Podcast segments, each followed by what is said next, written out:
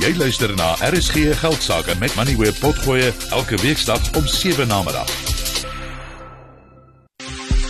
Besoek RSG Geldsaake se Facebookblad en kom ons gesels. Die Spur Groep hou aan om sy handelsnaam en die lojaliteit van sy kliënte te gebruik om sy sake te bou met wesensverdienste wat styg tot 130 miljoen rand vir die 6 maande tot einde Desember verlede jaar. Omset in die restaurantbesigheid het met 10,4% gestyg tot 5,4 miljard rand. Wesensverdienste per aandeel styg met amper 15% na R1.57 per aandeel. 'n Tussentydse dividend van 95 sent per aandeel is verklaar, 'n stygings van amper 16%. Ons gesels nou met Val Nichas, die Spur Groep se bestuurshoof. Good evening Val and welcome to the show. Last time we spoke, load shedding was driving customers to your doors. Is that still true? Good afternoon, Tinas. Yes, I think load shedding obviously did impact us positively to a degree, not positively in terms of the cost for the franchisee, but we did see a bit of a shift uh, when we saw a bit of a downturn in October, November. Um, I think it was threefold. I think the one was definitely because load shedding had lessened, um, and I think consumers got a little wiser on how to deal with no power at home. Um, and we also, obviously, I think it was also a little bit of what had happened with the rugby, where people gravitated back to their homes.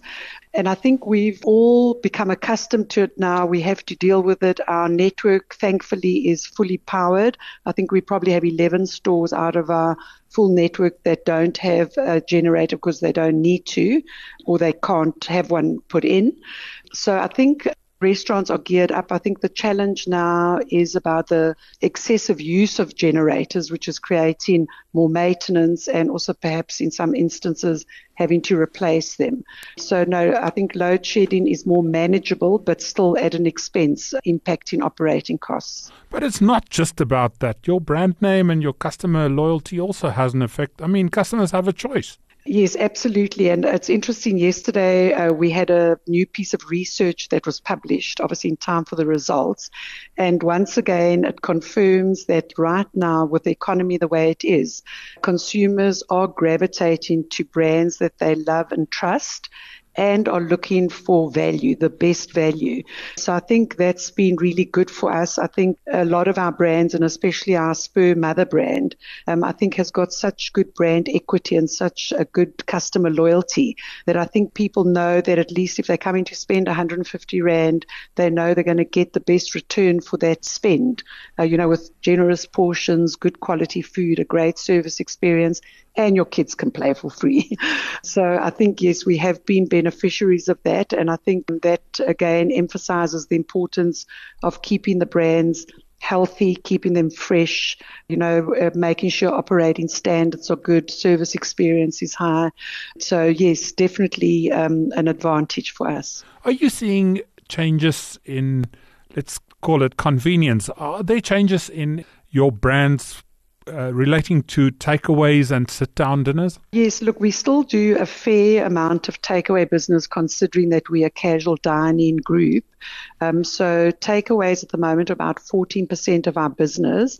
Most of it, uh, just over 50, about 54%, are still people calling, clicking, or walking in to collect and versus obviously using third party aggregators. So convenience, I think, will be with us forever. I think uh, consumers have just got to the ease of you know, ordering on the move or ordering from home and having it delivered. I think the reason why we are getting a lot of people collecting, I think it's a bit quicker and maybe sometimes they're not getting the best service experience from the third party aggregators. And sometimes they don't want to pay those premiums because obviously you're paying for, uh, well, sometimes it's free delivery, but you're paying a premium because it's obviously got a service charge. So we do uh, believe that convenience will continue and it depends on the consumer's lifestyle lifestyle. I don't think it's a consumer only doing delivery. I think consumers have got a mix of meal option uh, channels that they're using. And I think with the increase in technology and automation, I think it's becoming easier to transact electronically and just get your food at the push of a button. So I think it's here to stay and it's about how we work with it to offer our customers a good experience. Well, are you seeing trends showing that customers have less to spend, maybe ordering something different from what they did in the past? There definitely is a shift. I think research is also showing that people are becoming uh, quite particular about where they're spending and what they're getting for their spend. So I think that definitely is happening in terms of menu patterns. Other than us analyzing just our own stats, we have not seen a drop in uh, average uh, transaction spend. Uh, that's in fact gone up according to menu inflation. But we do think, and we recently had a chat about one of the categories, we do think people are seeking something that is more of a plate full tummy filler, you know, so they're going for the meal that is not only perceived value but is value. So a plate full of chips and onion rings and a nice healthy protein, a portion of protein. I think they probably are looking at that as well as things like shareables, you know, a bigger pizza that a family can share, a platter of seafood. Even our RocoMamas uh, these days has got a platter of you know, little ribs and wings and chili bites and chips. And, you know, then a few more people can tuck in and you can almost get a better return for that spend of, of going out for a meal. So that's what we've seen. We haven't done any real research around it, only what we've seen in our own patterns. Are you seeing the effect of the Doppio collection buy in, even if it's maybe a bit soon for these results? Yes, it is only one month, but I mean, it was a big month and also for them a good seasonal month. Um, so we were very satisfied with the performance of just that one month's trade. They had also opened a new restaurant in Botswana, they had opened a new restaurant in Knysna. So that all helped because it's holiday time and beach time. Um, so we were happy not only with the turnover, but also with the profit extraction for the first month and they've got quite a few uh, plans in the pipeline of new businesses being developed currently. So yes, we really feeling good about the partnership and the decision to partner with them, and we hope that it will deliver the return on investment that we've projected. 2024, you're opening more restaurants. If you look at the Spur, maybe. Yes, we've got quite a high target for the financial year, which ends June. So we are projecting uh, 41 new in South Africa and 12 internationally.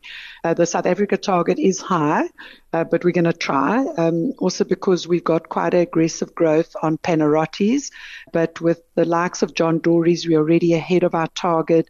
Panarottis almost getting there as well because they're growing beautifully, and we're also opening in a lot of small towns like Lydenburg, Vryburg, you know, places like that. Um, in the short term, so excited to see how we perform in those smaller communities. Thank you Val. Dit was Val Nichas, bestuurshoof van die Spur Groep. Jy het geluister na RSG Geldsaake met Money where potgoe elke weeksdag om 7 na middag. Vir meer Money where potgoe, besoek moneyweb.co.za of laai die toepassing af en volg Moneyweb News om dagliks op hoogte te bly.